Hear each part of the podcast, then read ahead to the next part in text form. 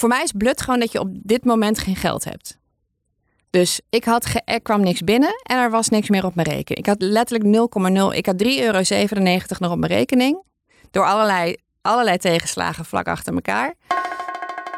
Je luistert naar Hoeveel ben ik waard? Een podcast waarin ik, Rolien, op zoek ga naar waarde. Waarde in elke vorm, zowel financieel, spiritueel als levenswaarde. Want zijn we daar niet allemaal naar op zoek? Als eerste, het is gelukt. Ik ben genomineerd voor een Dutch Podcast Awards 2021. En ik sta als enige vrouw tussen vier podcasts die gehost worden door mannen in de categorie zakelijk. Je snapt hem al, ik wil deze natuurlijk winnen. En daar heb ik nog één keer jullie voor nodig. Ga naar podcastawards.nl en stem op hoeveel ben ik waard. En vertel het ook aan iedereen, want dan maak ik echt kans. Maar nu gaan we door naar de aflevering. Deze week hoor je Dorothee Loorbach. Schrijver, dichter, theatermaker, spreker en reminder.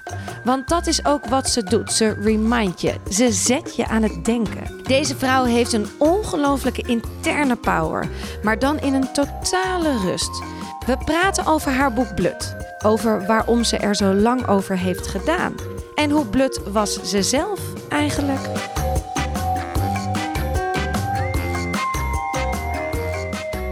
Gaan gewoon beginnen. Ja.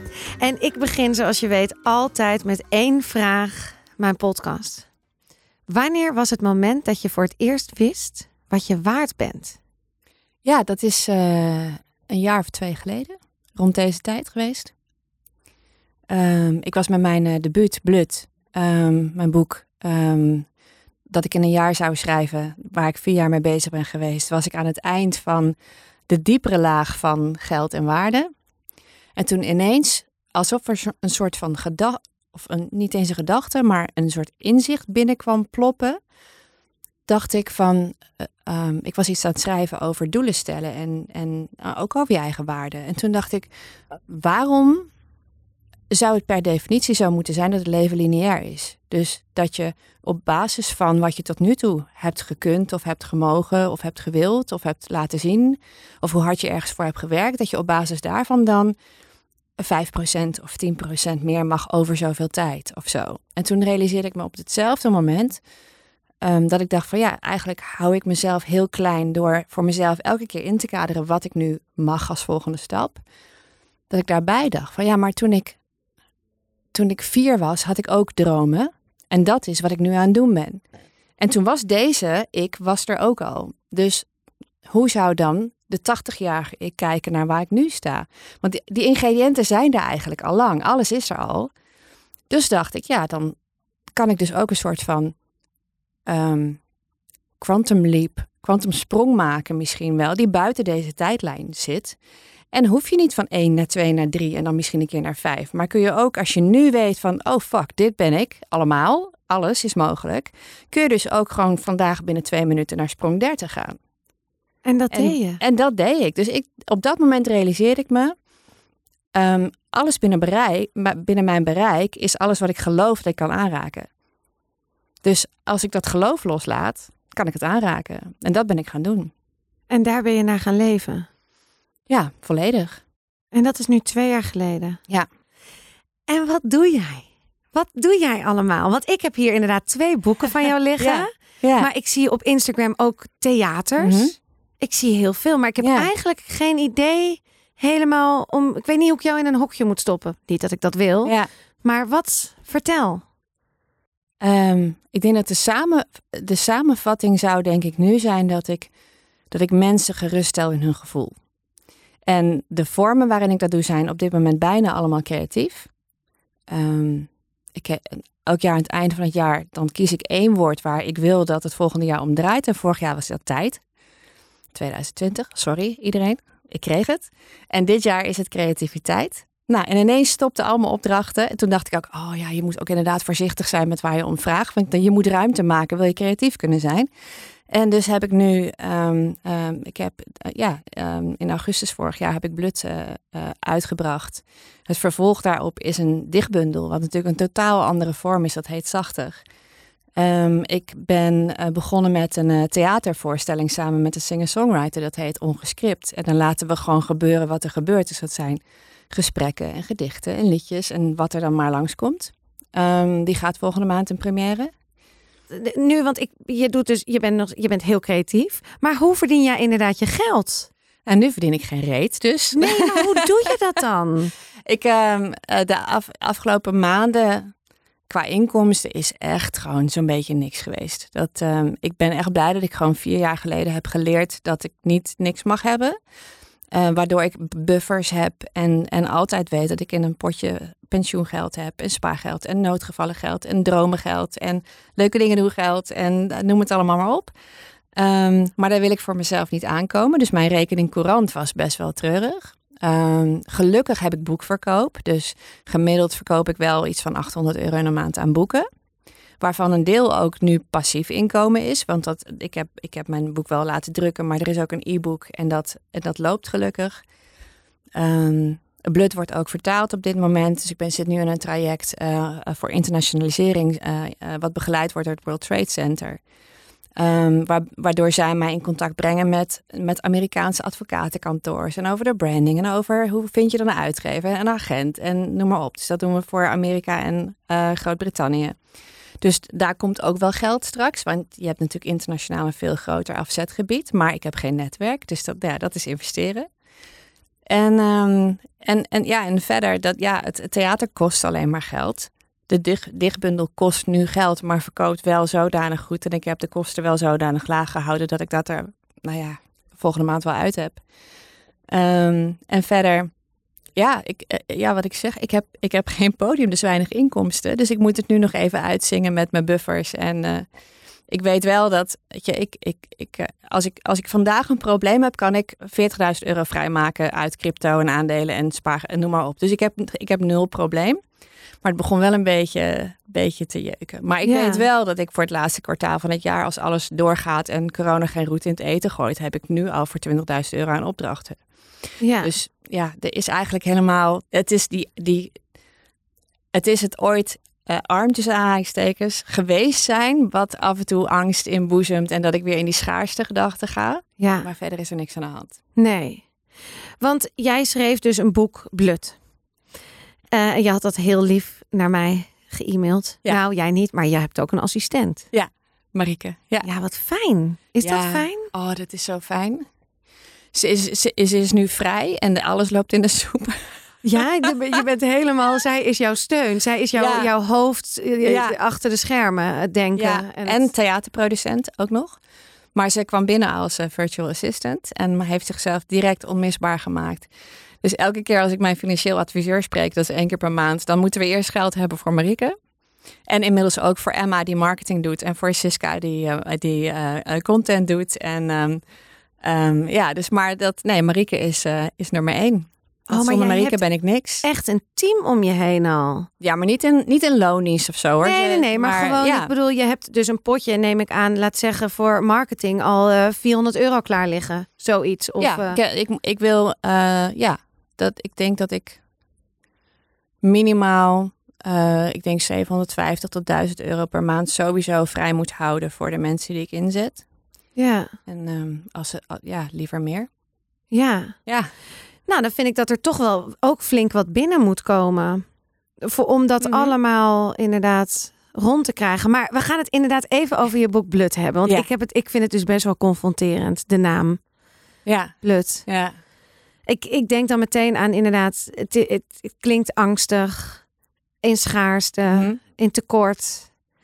Iets wat ik altijd ben, iets wat ik niet meer wil zijn. Nou, herken je denk ik allemaal. Maar vertel, waar, hoe is dat boek ontstaan?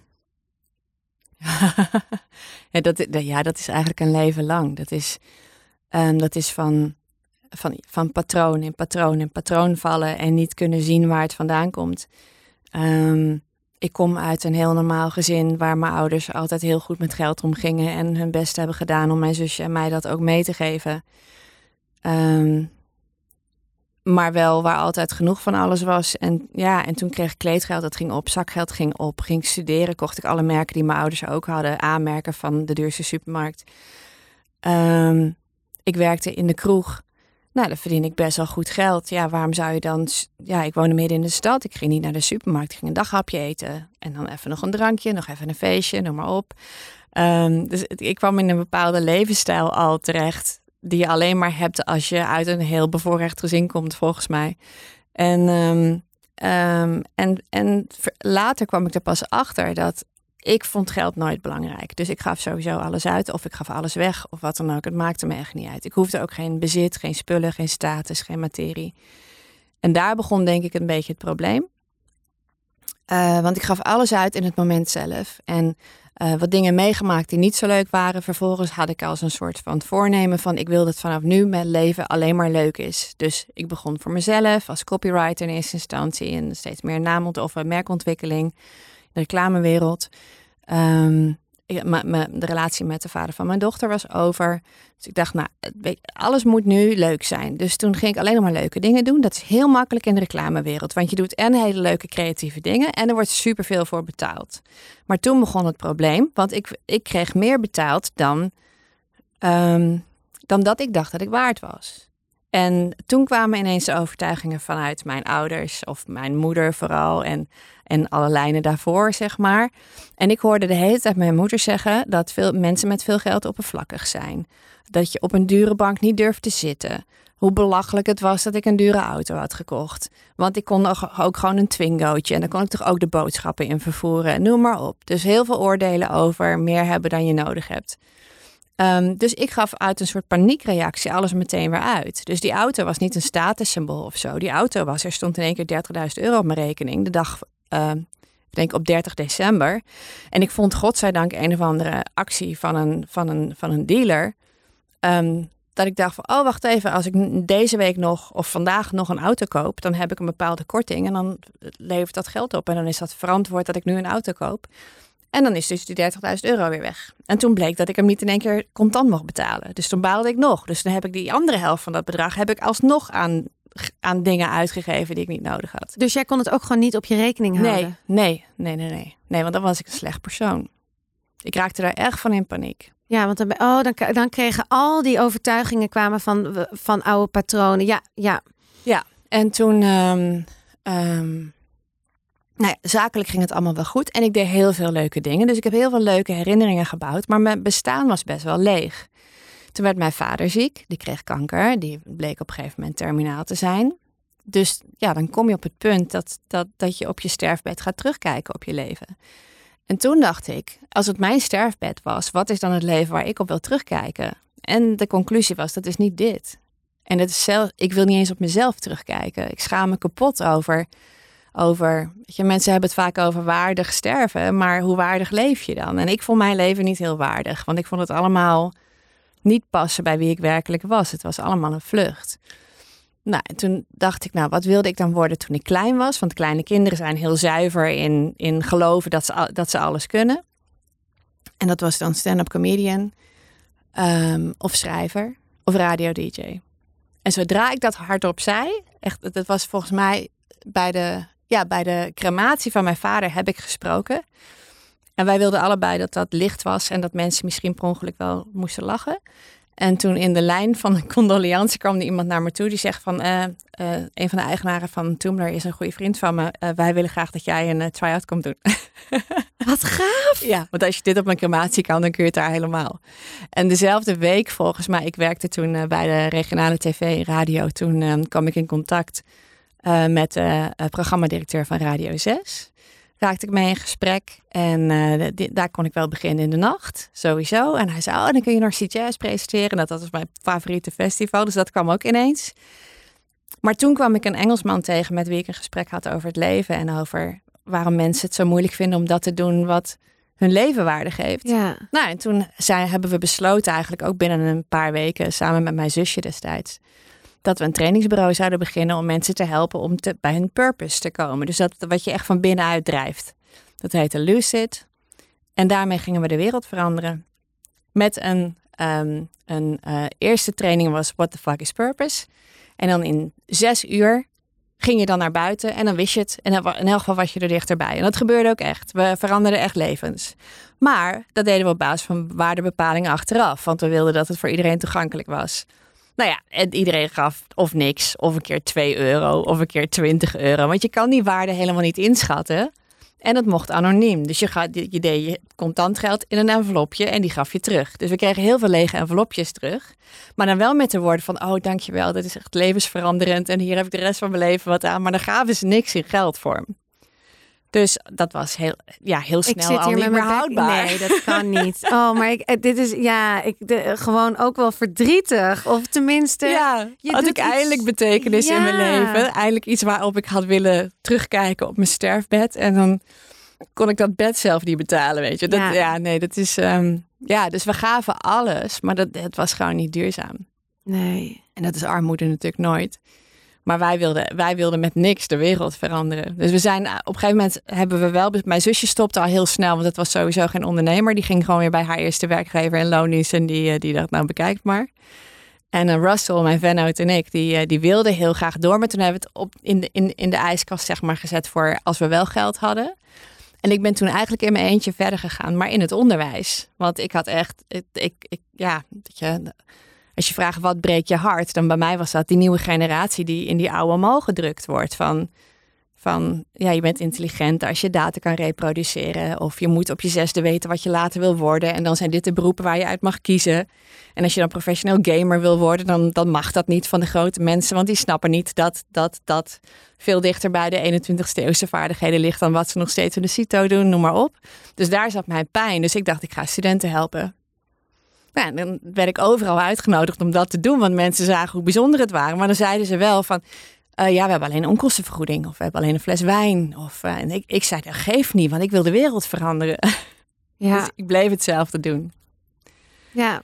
Het is Nou ja. echt pijnlijk dit, want Ja. ik herken dit zo erg. Ja, en ik denk niet alleen ik, maar ik denk zoveel mensen. Ja, Ja, ja blijkbaar is er, je wil, of, je wil of jezelf verrijken of je wil de wereld verrijken. Dus het blijkbaar zit er, zit er niet een vorm voor veel mensen, denk ik. Ehm, ik, ik, ik, ik doe veel met, met, met purpose, nog steeds hoor, bij studenten. Alleen krijg ik er nu gewoon goed voor betaald, omdat ik er nu om vraag. Alleen dan, dan heb je dan dat model van waar purpose dan uit bestaat. En als je, het, als je er echt op zit, volgens de wetenschap, dan zit je op de sweet spot tussen wat de wereld nodig heeft en waar je zelf eh, blij van wordt en waar je goed in bent en waar je geld mee kan verdienen. Maar de meeste mensen zitten 100% op, die, op dat stuk van waar word ik blij van en wat wil ik de wereld geven. ja, En ehm, toen ik verder was in mijn boek, kwam ik erachter dat in mijn geval, in elk geval, dat wat ik, wat ik de wereld wil geven, is eigenlijk wat ik zelf niet gekregen heb. Dus dan zit je nog steeds in een eigen soort van tekort, probeer je iets te geven. Maar, en dat heeft dan niks met geld te maken, maar dan zit je ook daar ben je blut, weet je wel. Want je, je, je kan het jezelf niet geven. nee. Dus dan wordt het al heel snel heel ingewikkeld. Ja. Ja, En wat is dat verschil dan met dat je het, dat je, je doet het nog steeds, je begeleidt nog steeds studenten met Mhm. hun purpose. Mooi Ja. woord eigenlijk wel. Eh, maar hoe, waarom durfde je toen niet te vragen? En nu zeg je net, ja, ik durf er nu, want het, kennelijk is het er gewoon. Ja. Het geld is er echt wel. Tuurlijk is dat er. Maar als mensen zeggen, ik heb geen budget, wil je?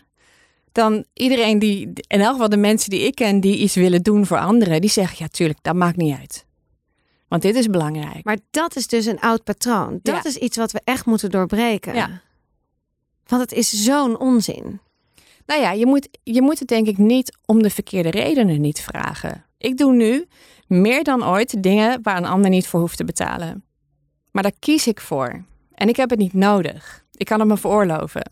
Ja. Dus toen kwam de switch dat je ineens wel geld ging verdienen. Ja. Hoe voelde dat? Ehm, eigenlijk heel verdrietig. Ja? Ja, want ik had het al die tijd niet gedaan. En, Ja. dat, en, dat, en dat viel een beetje samen met het moment waarop, wa- wat je vroeg van wanneer wist je dat- wat je waard bent. Ehm, dat, dat inzicht van, maar ik ben alles waard. Dat, het stap, dat is stap één, is ik ben alles waard. Stap twee is, vraag ik wat ik waard ben of vraag ik wat dit waard is? En, en vraag ik wat dit waard is voor mij of wat dit waard is voor de ander? Of ehm, Ehm, hecht ik de waarde aan iets anders dan de waarde van dit ene ding of deze ene samenwerking? Noem maar op. Dus maar het begint echt met van wat, wat ben ik waard? En toen ik me realiseerde hoe ik tegen mezelf sprak, toen op een gegeven moment dacht ik, ehm, ik, had, ik, ik heb een dochter van 17 en een zoontje van 3. Maar toen had ik alleen die dochter nog. Die was op dat moment 12 toen ik blut was. Dus die was toen 14, 15 toen ik dat inzicht had. En toen dacht ik, ik vind het oké dat ik zo denk. En dat ik zo tegen mezelf praat. Maar stel dat ik zo tegen Emma zou praten. Dat is kindermishandeling. Dus echt, dat, is, dat, dat, dat verwoest haar als mens. En dan is mijn boodschap aan haar dus, doe niet wat ik doe, maar luister naar wat ik zeg of doe wat ik zeg. Dat is totaal hypocriet. En toen dacht ik, ja, maar ik ben niet minder of meer waard dan een ander. En dat ik niet meer waard ben dan een ander, heb ik altijd wel geweten. Maar dat je net zoveel waard bent als de mensen van wie je houdt. Al is het alleen maar om het feit dat zij ook van jou houden en jou ook het beste gunnen. En dat jouw kind niet wil dat zijn of haar moeder zichzelf zo verschrikkelijk behandelt, omdat het ook slecht is voor je kind. Ja, dat is dan wel even iets wat binnenkomt. Ja. En, de, en sindsdien is dat een beetje mijn, mijn leidraad is, ehm, hoe zou het zijn als het andersom was? Ja. Ja. Dus jij bent echt vier jaar geleden wel echt helemaal geswitcht. Ja. Dat was echt life-changing. Ja. En hoe is dat denk je voor haar? Dat zij, zij ziet gewoon een, moeder 2.0. Gewoon. Ja. ja, maar dat komt ook omdat, kijk, het, het probleem begon met ik was blut in geld. En toen in, het, in, het, in de maanden daarna kwam het inzicht van als je blut bent in geld, ben je ook blut in, in mijn geval, in tijd. Want ik vond geld niet belangrijk genoeg om per uur genoeg te vragen. Dus moest ik heel veel uren werken.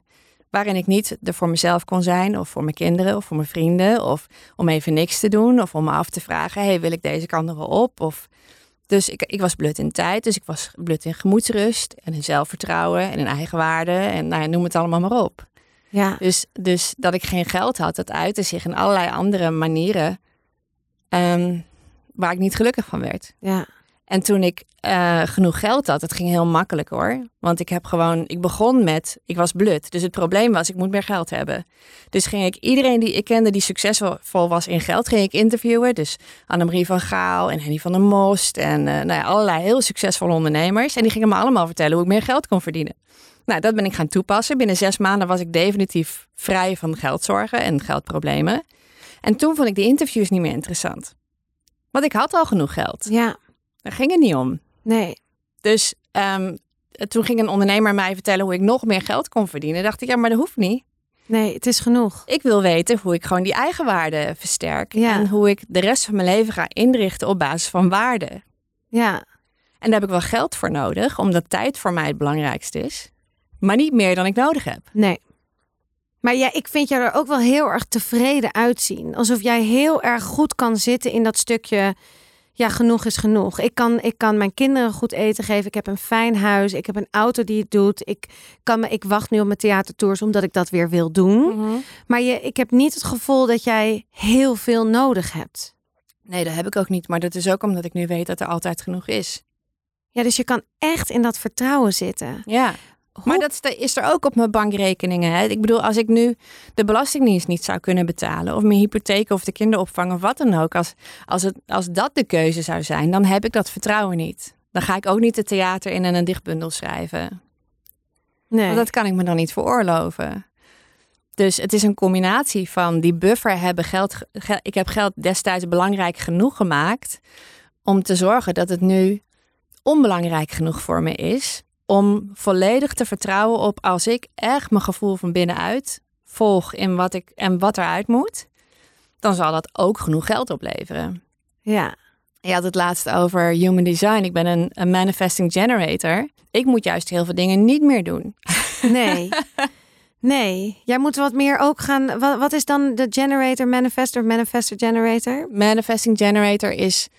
Uh, ik heb er niet heel veel verstand van, maar wat ik wel weet is dat je heel erg uh, geneigd ben je te laten denken door alle ideeën die je hebt. Want dat, dat is de manifester kant. Je kan dingen starten en heel groot maken en daar heel veel mensen meenemen en dingen aanjagen en noem maar op. Maar het zijn er ook honderd tegelijk. Ja. En, um, en, en um, een eigenschap van een manifesting generator is dat ze heel gevoelsgedreven zijn. Maar door dat snelle denken ben je geneigd om niet meer te voelen. En wat ik moet doen is echt fysiek voelen in mijn buik. Moet ik dit doen of moet ik het niet doen? En dat, dat maakt wel, gelukkig is voor mij alles een experiment waarin je niet kan falen, alleen maar kan ervaren. Dat maakt dus dat ik soms elke week wel een nieuw project begin en dan ga voelen, wil ik hier meer van, wil ik hier minder van. En dat doe ik met alles. Dan moet ik het wel doen, moet ik het niet doen. Moet ik, moet ik, een, moet ik nu een dichtbundel waar ik maar een paar maanden aan heb gewerkt, met spoed gaan uitgeven en daar mijn crypto voor gaan verkopen voor een deel, zodat ik nog in augustus een boeklancering heb? Of moet ik de tijd nemen en zorgen dat het op een, nou ja, een uh, rationeel gezien logisch moment plaatsvindt. En dat ik daar ook meer aandacht aan kan geven. En dat ik meer aandacht kan genereren voor Blood en voor Broken Not Broken en voor de theatertour, noem maar op. En dan voel ik het gewoon. Oké, maar nu ga je me echt te snel. Ik wil, we gaan even zes stappen terug. Want Ja. op het moment dat jij blut was, Ja. hoe blut was je? Nou ja, voor mij is blut gewoon dat je op dit moment geen geld hebt. Dus ik had ge- er kwam niks binnen en er was niks meer op mijn rekening. Ik had letterlijk 0,0. Ik had 3,97 euro nog op mijn rekening. Door allerlei, allerlei tegenslagen vlak achter elkaar. Eh, ik had een buffer voor de zomer, want ik werkte in het onderwijs en dan heb je gewoon drie maanden amper inkomen.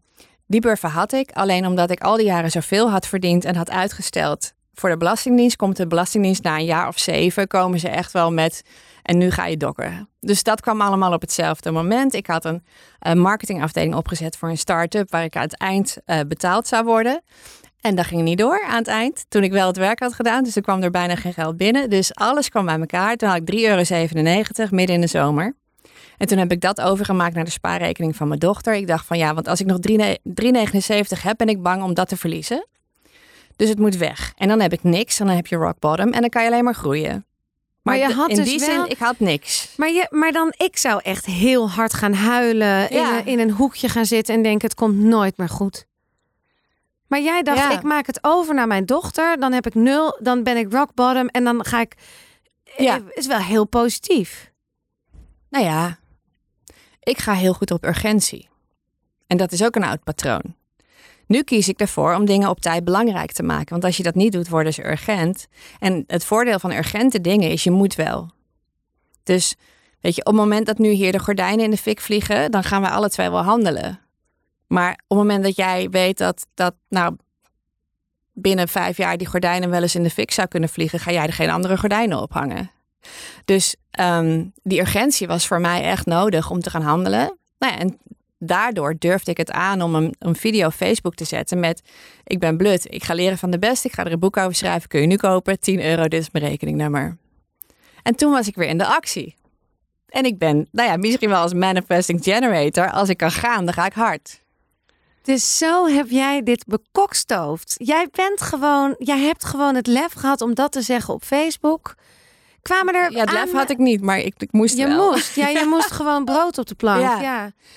Ja, En, en mensen zeiden, is goed, ik maak 10 euro over. Die eerste dag had ik 64 boeken verkocht. Dus ik had 640 euro op mijn rekening. En twee dagen later was Emma, mijn dochter, jarig. Die had drie weken bij haar vader eh, de zomer doorgebracht. En mijn grootste frustratie was niet dat ik mislukt was als ondernemer, maar als moeder, omdat ik geen taart voor haar kon maken.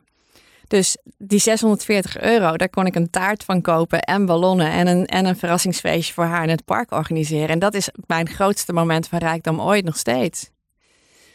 Ja, en toen begon het te lopen. Want het mooie is dat, ehm, dat had ik toen niet door. Maar ik dacht, ehm, ik kan dit niet. Wie ken ik die het wel kan? Want daar kan ik van leren. Dus de eerste die ik heb gevraagd was... eh, eh, ja, Annemarie van Gouw en Henny van der Mos. Die heb ik allebei een mailtje gestuurd. Van dit wil ik doen. Ik wil anderen ook helpen om niet de fouten te maken die ik nu heb gemaakt. Mag ik van je leren? En Annemarie van Gaal die had letterlijk zes minuten de tijd. Tussen twee lezingen. En daarin heeft ze me briljant advies gegeven. Wat was er advies? Ehm, je moet elke dag verkopen. Eh, Vind ik Eh. ook zoiets. Ja, ik bedoel, leuk. Hoe dan? ja, ik doe het niet hoor. Nee. Nee, maar het was wel heel goed. Dat, nou ja, dat, dat je dus eigenlijk elke dag met acquisitie bezig moet zijn. Zeker als beginnende ondernemer, maar verder ook. Ja, je moet wel elke dag met je bedrijf bezig zijn. Ja. Maar dan komt ook weer het probleem wat ik meteen zie, is inderdaad tijd. Je hebt een dochter. Ja. Alleen, Ja. ga dat maar eens maken. Ja. Nou, ze ging naar school natuurlijk. Dat was misschien een voordeel. Ja, maar ze woonde wel volledig bij mij. Ja. Ja, Ja. Dus dat, eh, soms, ik vind dat dan een heel mooi advies. Maar ik kan me ook voorstellen als iemand dat hoort met twee kinderen en een man die heel veel werkt en heel graag iets voor zichzelf wil doen, dat je denkt, ja, een prachtig advies. Maar wanneer moet ik dat doen? Ja, dat heb ik nooit gedaad. Nee, jij dacht meteen Nou ja, dat klopt. Ik, ik was al um, singlemoeder en ondernemer vanaf het, moment dat ze anderhalf was. In het begin hadden we, we hebben nog steeds co-ouderschap, maar haar vader is op een gegeven moment verder weg gaan wonen. Dus toen was dat niet haalbaar in, in, in de, ja, met school en noem maar op. Dus vanaf dat ze zes was, woonde ze volledig bij mij en ging ze om het weekend naar de vader. Um, maar ik, ik heb, weet je, in het begin werkte ik 80 uur in de week, hè. En nu werk ik 28 uur in de week max voor klanten. Of dat iemand iets van me mag verwachten of zo. Dus, ehm, en op het moment dat ik Annemarie van Gaal sprak en ik, ik, ik had 24 uur per dag nodig om überhaupt brood op tafel te krijgen.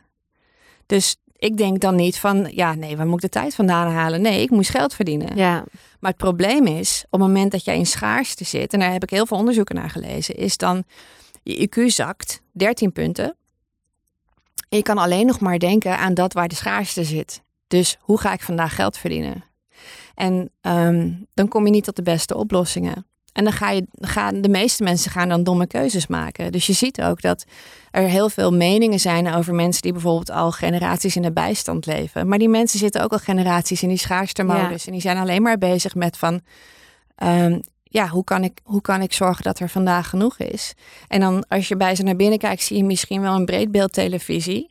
Maar weet jij veel? Misschien is het omdat ze nooit op vakantie kunnen. Of omdat de kinderen nooit ergens naartoe kunnen. En is dat dan hun manier om, de, om zoiets te doen, weet Ja. je wel? Maar ehm, dus nee, op het moment dat zij, dat zij dat zei, je moet elke dag acquisitie plegen, dacht ik, oh ja, ik heb iets te verkopen.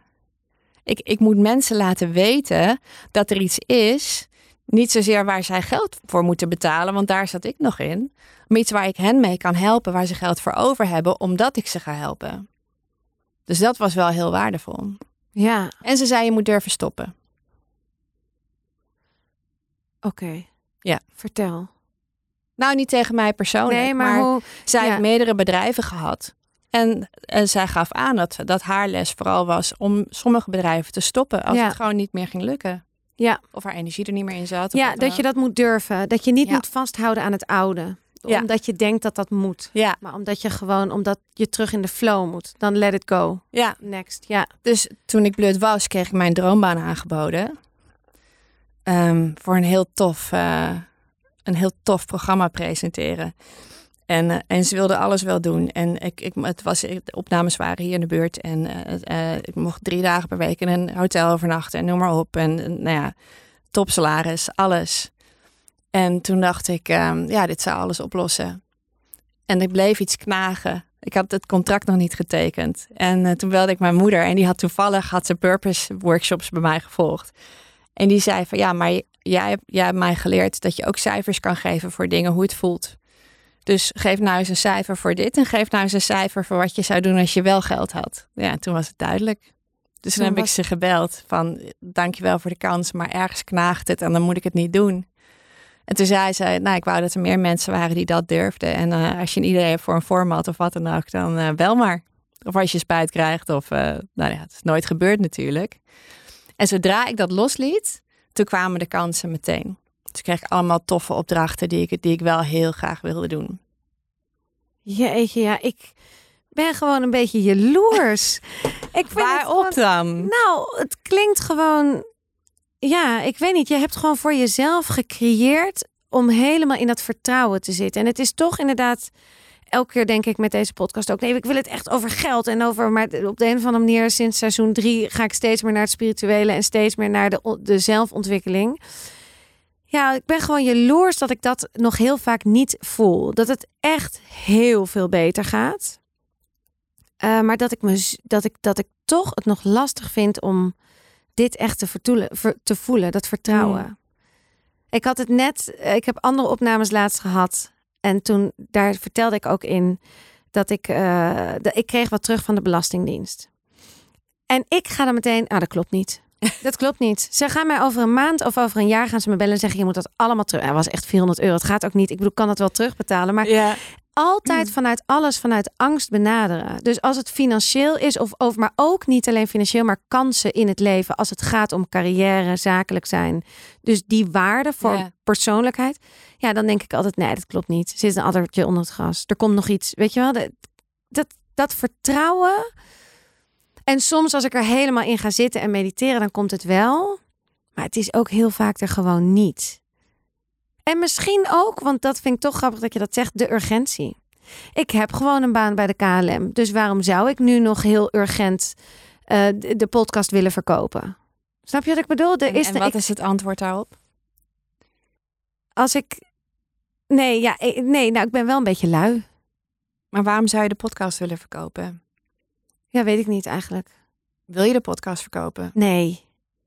Nee, ik dacht ook ineens, misschien wil ik helemaal. Nee, dat is dus ook. Maar ik dacht gewoon, ik wil wel een sponsor of ik wil dit. Maar toen dacht ik ook inderdaad, nu je dit ook zegt, denk ik, maar ik wil met niemand samenwerken. Ik Ja. wil het wel zo houden zoals ik.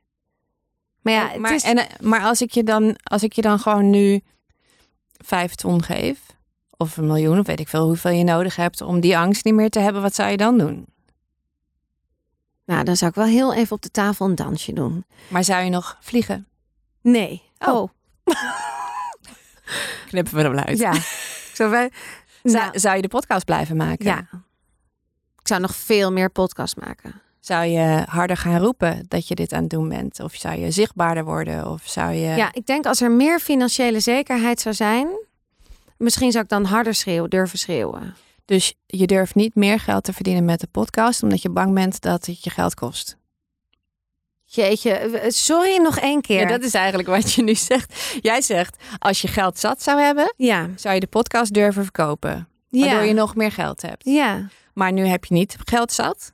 ja, Wil je eigenlijk de podcast niet verkopen? Want blijkbaar ben je dus bang dat dat je geld kost. Want je weet dat de podcast verkopen ook zorgt. Toch? Ja. Dat je als je, ja, als je er meer voor durft te gaan staan, ja, dat andere mensen de waarde beter kunnen zien, ja. dat het meer gaat opleveren. En dat zou je dus wel doen als je meer geld had. Dus dat is niet een geldkwestie. Nee. Dus Ja, dus oké, hier werd het dus ingewikkeld. Ik raakte helemaal van slag. Want ik wil geld verdienen met de podcast. En ik durf dat alleen als ik eigenlijk al geld zou verdienen. Huh? Volg jij het nog? Wat hier eigenlijk volgens mij achter ligt, is dat ik nog steeds in schaarste zit. In schaarste denk. In oude overtuigingen. Ik ben het niet waard. Ik ben niet goed genoeg. Dus ja, ja, daar is ze weer, het oude zeer. Maar dat ik geen geld verdien met de podcast zit hem ook in de groei. In hoe groot je als podcast bent. De podcast gaat enorm goed en jullie luisteraars zijn ontzettend trouw. Maar er zijn er nog wel te weinig. Voor in ieder geval een samenwerking of een sponsor. Die willen namelijk pas om de tafel als je de 10.000 luisteraars per aflevering haalt. Nou, dat red ik bij lange na nog niet. En soms frustreert dat. Maar ja, dat is nou eenmaal hoe het is. Er wordt niet gekeken naar de betrokkenheid van de luisteraar of hoe je community is. Nee, het gaat gewoon om de cijfers. Maar Dorothee ging door met vragen en ik ben duidelijk van mijn apropos. Want wa- wa- wanneer is die dan? Wanneer, want jouw, jouw centrale vraag is: wanneer wist je wat je waard Ja. Wa- wanneer is dit klaar voor jou? Ja, dat vraag ik me ook wel eens af. Maar misschien is het daarom ook, nu ik jouw verhaal hoor, is de podcast, denk ik ook wel eens, misschien is de podcast ook een beetje klaar. Ik denk het niet. Nee? Nee, alleen al omdat ik, ik, vind, ik vind jou zo'n pure interviewer. En waarde is, is, is zo'n is een onderwerp dat je zo op verschillende vlakken kan invullen. Ja, maar misschien moet ik, en dat is wel iets waar ik mee struggle, dat ik het, ik moet het anders gaan indelen. En dat ben ik al mee begonnen. Maar bestaat de podcast dan nog wel? Dat is een beetje nu waar ik mee struggle. Ja, en hoe hard wil je ervoor moeten werken natuurlijk. Ja. Ik heb jouw moeder in jullie gesprek horen zeggen, of tenminste, ik vat hem nu samen, zeg, zeg het maar als ik het verkeerd zeg, maar volgens mij koppelde zij rechtstreeks, ehm, ik mag geld hebben als ik er heel hard voor werk. Ja. Ja, dat is echt, dat, zo ben ik opgevoed. Ja, dus, ma- dus mag jij hier ook bizar veel geld mee verdienen. Als je het met twee vingers in de neus doet en gewoon elke keer denkt van... Ik doe gewoon wat ik leuk vind. Door het teken op zeg. Dat kan toch niet? Ik kan toch niet heel veel geld verdienen met heel weinig doen? Het is gewoon, nee, maar dat is dus weer... Maar het gaat toch om waarde? Ja. Dus Ja. als het... Als het ik, volgens mij heb ik alle seizoenen geluisterd inmiddels. En ik vind het zo leuk om naar te luisteren. Nog niet eens omdat ik, omdat ik er per se iets van wil leren, maar omdat ik zo graag luister naar jou als interviewer. Ehm, dat is wat waard. Dus Ja, maar de- ik denk nu toch ook een beetje steeds meer. Ik denk ook, ik ga dit wel uitzenden hoor. Maar ik denk ook, oh god, kan ik dit wel uitzenden? Ik denk namelijk ook steeds meer, wordt het gewoon niet voor luisteraars saai? Wordt het niet gewoon saai om weer dat over die waarde? Want eigenlijk nu jouw verhaal, en we hebben het, ik heb het dus ook in het seizoen steeds minder over cijfers. Mm. Want het verhaal wat jij nu vertelt, vind ik zoveel fijner en belangrijker dan, dan in het begin dat ik tijd op dat, dat geld zat. ja. Of wil de luisteraar wel dat horen? Wat iedereen vertelt. Is het. Het Ja, of- ligt eraan wie je luisteraar is. ja. Ik heb, ik heb vier jaar over blut gedaan. Onder andere omdat ik de hele tijd aan het zoeken was naar waar, waar zit de lezer op te wachten. ja. En op een gegeven moment had ik een boek geschreven. Ik had iets van 100.000 woorden die ik zelf echt, echt nog niet met een, met een pistool op mijn hoofd had willen lezen. En toen dacht ik, nee, ik schrijf dit voor mij. Ik schrijf alles op wat ik had gehoopt dat iemand tegen mij ooit had gezegd. Ja. En met de dichtbundel heb ik zelfs als opdracht heb ik voor jou erin zet, ingezet. Letterlijk voor jou. Omdat het is voor iedereen die zich aangesproken voelt. Maar ik heb, het zijn de woorden die ik richt op mezelf. Ja. En waar ik hoop dat ik mezelf vaak genoeg aan zal blijven herinneren. Ja. En vervolgens krijg ik elke dag mails van mensen, met name over blut, omdat, omdat Zachtig natuurlijk pas een week uit is. Met het is alsof je dit alleen maar voor mij hebt geschreven. Dit is mijn leven, dit is mijn verhaal, noem maar op. En dat zijn blijkbaar duizenden mensen inmiddels. Ja. Die denken dat ik het alleen voor hun heb geschreven. En dat ik hun woorden gebruik en hun gevoelens verwoord en noem maar op. Ja. Maar het voelt ook dat dit seizoen weer gewoon zo anders is dan dat ik in mijn hoofd had. Ik dacht, ik ga gewoon door, weet je, want dat is, dat is de formule hoe het al drie seizoenen goed gaat. Maar ook nu dit gesprek wat een totaal andere wending krijgt. Dat ik bijna hier gewoon de tranen achter mijn ogen voel. Dat ik denk, oh, dit, ik, ik, we- ik ben het gewoon soms kwijt. En het, en, en, maar, maar wel vanuit kracht hoor. Het is niet dat ik me zielig voel. Of dat ik denk, oh, in totale paniek. Maar ik weet gewoon even niet waar het naartoe gaat. Wat ook wel weer heerlijk is. Want ik voel wel de kracht dat ik zelf ma- mag uitnodigen wie ik hier wil hebben zitten.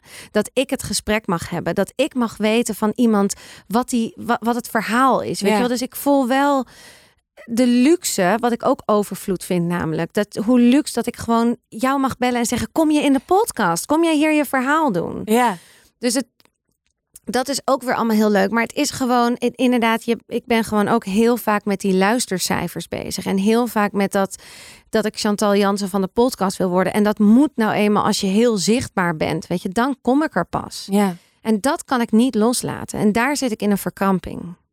En dat is heel irritant. Maar als je nou gewoon jij bent, Ja, dan ben je toch onderscheidend. ja, Ik heb geen verstand van luistercijfers, maar volgens, volgens mij wil iedereen graag luisteren naar iemand die echt is. ja, En als Chantal Jansen Wendy van Dijk zou nadoen, zou niemand er wat aan vinden. nee. En omdat ze de grappen maakt die je niet hoort te maken, vindt iedereen, of niet, niet iedereen, heeft ze net zoveel haters als fans waarschijnlijk, maar heeft ze zoveel fans dat het geld oplevert. Ja. Nee, Ja. dat is ook zo. En ik zou natuurlijk nooit Chantal Jansen willen zijn in die zin. Ik ben heel blij met mezelf. Maar het is in de- deze maatschappij waarin social media, waarin luister, weet je, de, de mensen willen niet met je samenwerken als je niet boven de 5 à 10.000 luisteraars hebt per aflevering. Weet je, dat, dat soms is het overweldigend. Dan wil je heel graag, dat kan ik me ook voorstellen met je boek bijvoorbeeld. Ja. Want je wil, je, je weet dat dit zoveel waarde heeft. Dat iemand zo mooi naar binnen kan keren. Je wilt eigenlijk met heel Nederland zou je het in de brievenbus willen doen. Van lees Ja. het, want Ja, het liefst zou ik het aan iedereen gratis willen ja, want, je, want dat geeft maar dat kan niet. Nou ja, ik doe het online wel. Ik, ik denk dat ik bijna alle gedichten al wel op Instagram heb gezet. En daar vinden ook mensen wat van. Van dat doe je toch niet, dan koopt niemand het meer. Maar dat is dus blijkbaar niet waar. Want als je het hebt zien langskomen en het raakt je, dan wil je het misschien ook Ja. gewoon in je boekenkast hebben. Of aan een vriendin geven die, die, die, die iemand moet begraven. Of weet ik veel, voor een verjaardag. Of dan ga je het ook wel weer delen, denk ik. Ja, Maar ik heb, ja, ik, ik, ik richt mijn hele leven in op dat wat ik het meest waardevol vind. En ehm, ik denk dat ik voorzachtig zeker na Blut wel een uitgever had kunnen vinden. En ik wilde dat niet, want er was een gevoel en dat wilde ik 100% kunnen volgen. En, ehm, ehm, en ik heb het niet eens bij het Centraal Boekhuis aangeleverd, omdat ik gewoon ook 100% van de inkomsten wil kunnen pakken ja. 42% wil inleveren. Maar nu wil ik ook weer dat het. Ik heb het aangemeld bij de Biep, maar ik wil nu ook wel dat het ook bij de boekhandels komt. Dus dan ben ik wel weer bereid om dat dan misschien te veranderen. Maar uh, de Engelse versie wil ik wel weer bij een uitgever. Want het boek is al geschreven en dan is het gewoon puur van willen jullie de internationale rechten hier, doe ermee wat je wil. Ik zie wel wat het oplevert. En ja. ik wil gewoon dat deze boodschap de hele wereld overgaat. Ja. En ehm, weet je, het, het, het verdienmodel daarachter was natuurlijk dat ik een podium had. Weet je, dat je kan spreken over je boek en vervolgens je boek weer kan verkopen als je gesproken hebt en noem maar op. Maar dat komt allemaal wel. Ja. Maar het is niet mijn ambitie. Nee. Wat, maar, en wat heeft Blutje opgeleverd? Wat is de waarde van een boek schrijven, van dit boek schrijven? Nou, van dit boek schrijven is dat ik ben doorgegaan nadat het oorspronkelijke boek af was. Dat ik weigerde om te stoppen bij het verhaal dat ik van plan was te schrijven. En dat ik dacht, ja, maar dit boek had iedereen kunnen schrijven. Dit is gewoon een samenvatting van wat honderd succesvolle ondernemers in een interview zouden zeggen. Dit is, dit is niet mijn verhaal. En daarna kwam dat ik echt de diepte in moest en moest ehm, zo diep moest gaan dat ik moest concluderen: ik vind het mezelf niet waard. Ik vind dat ik niet waardevol ben. En dat ben ik uh, gaan veranderen, stap voor stap, door andere dingen te geloven, maar vooral door andere dingen te gaan doen. En door veel duidelijker te krijgen van waar sta ik voor in alles in het leven. En wat betekent dat dan in de relatie die ik heb tot mezelf? Waar moet ik naar mezelf trouw aan blijven? Want ik was altijd, dacht ik van ja, ik, uh, mijn kernwaarde is liefde, dus ik moet altijd lief zijn voor iedereen. Dat is echt bullshit. Dus ik, ik ging liever worden voor mezelf, ik ging grenzen aangeven, meer autonomie en noem maar op. Dus uiteindelijk, doordat ik mezelf ben gaan behandelen als waardevol en de keuzes in mijn leven gaan, ben gaan baseren op waarde en op, op vreugde in plaats van plezier, dat soort dingen, lange termijn, korte termijn. Um, ja, uh, heb ik nu oneindige eigenwaarde. Met al mijn beperkingen en met al mijn kwetsbare momenten. En met al, weet je, ik durf nog niet een kop koffie met iemand te gaan drinken, want daar ben ik dan te scheiterig voor. Want straks val ik weer in een output en weet ik veel wat.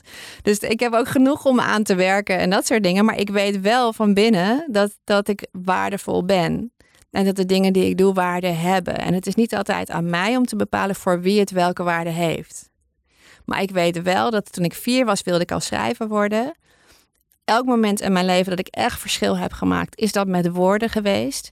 En ik, ik, vind het, ik vind het een voorrecht dat ik daar iets mee kan doen. Dus dan ga ik dat ook zo groot mogelijk doen. Ja. Ja. En dat heeft Blut gebracht, want door Blut ben ik schrijver. Ja. Ik vind dat fantastisch dat je zo creatief bent. En ook heerlijk. Ik vraag me dan ook af, hoe ziet jouw avond eruit? Kijk jij geen Netflix en The Bachelor en wat dan ook? En zit jij gewoon lekker altijd in creatieve processen?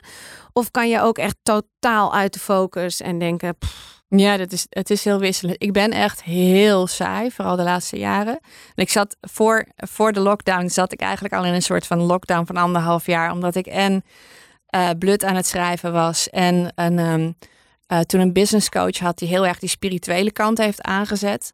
Of aangezet, me daaraan heeft herinnerd dat ik heel veel dingen kan buiten het denken waar ik wel goed in ben. Um, en de, dus ik, ik, zat, ik zat al heel relaxed in uh, ik hoef nergens naartoe. Ik vind het heerlijk om gewoon in mijn tuin te zitten met een boek en een, uh, en een kop thee. En of mooie muziek luisteren of naar de vogels luisteren. Of even buiten lopen met mijn kinderen spelen. En als ik Netflix is het meestal of iets wat echt zo geestdodend saai is. Dat het gewoon even is om in slaap te vallen. Dus dan kijk ik bijvoorbeeld um, Housewives of Beverly Hills of zo. Maar dan zie ik daar ook weer allerlei interessante maatschappelijke patronen in en zo. Uh, of ik zit gewoon een beetje te schrijven of uh, ja, een beetje lezen. Ik lees twintig boeken tegelijk of zo. Ja, heb ik ook altijd. ja. Ze liggen altijd overal een beetje. En, en dan weer aangestreept. En dan, oh. Dat vind ik dus ook leuk met boeken. Dat je dan, nu kan ik hier gewoon in strepen. Ja, daar is hij ook op vorm gegeven. Ik heb de, ik heb de vormgever heb ik opdracht gegeven dat het zo, dat er zoveel ruimte omheen moet. Dat je overal aantekeningen kan maken. Want dat doe ik zelf ook altijd. Ja, dat vind ik zo heerlijk. Kleurtjes erin en alles. Oh, wat goed. Nou, En ik ben nu mensen aan het oproepen om, uh, om als ze hem uit hebben en ze zijn er klaar mee, om dan ergens weer door iemand anders te laten vinden. Want ik ben nu zelf allerlei exemplaren overal stiekem aan het neerleggen. En dan zeggen ze ook wel eens van ja, maar ik heb erin geschreven. En toen zei ik ja, maar daar kunnen mensen ook weer wat aan hebben. Dus dat maakt niet uit. Ja. Dus er zijn nu door heel Nederland zijn er exemplaren van Blut aan het uh, verschijnen die al door iemand gelezen zijn en die dan weer voor een ander zijn. Ja, ja heel leuk. Ik, ik ga hem lezen. Dankjewel. Jij bedankt. Dit was hem voor deze week. Oh, en je hoort het allemaal. Het blijft een zoektocht. En misschien is de podcast een combi. De kennis en het verhaal, de waarde van de gast, samen met mijn zoektocht naar mijn waarde. En misschien is dat dan samen weer heel waardevol. Voor nu, vergeet niet te stemmen en tot volgende week.